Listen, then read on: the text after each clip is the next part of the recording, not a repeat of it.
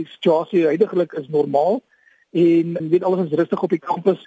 Studente het hulle maatskaps opgedaag en dit lyk baie goed op hierdie stadium. Watter sekuriteitsmaatreëls het die universiteit in plek? Steeds 'n sterk sekuriteitsverteenwoordiging op die kampus en ons is ook deurlopend in gesprek met die polisie en ander rolspelers die disaster management en so aan en dan is ook ons gebeurlikheidsplanne is in plek wat voorsiening maak vir enige gebeurtenis wat uh, mag plaasvind op die kampus. En watter planne is daar om te verseker dat studente egterstandige werk inhaal?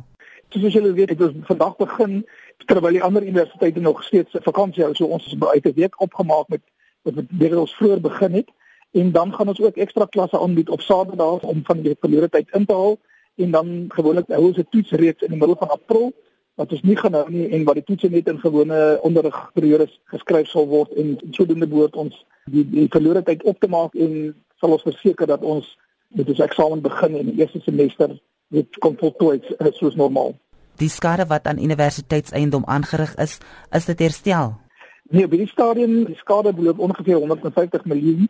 Die geboue en strukture word nog steeds ondersoek om te kyk hoe, hoe die herstelwerk gedoen word. So ons het op die stadium nog glad nie begin met enige herstelwerk aan veral strukture nou.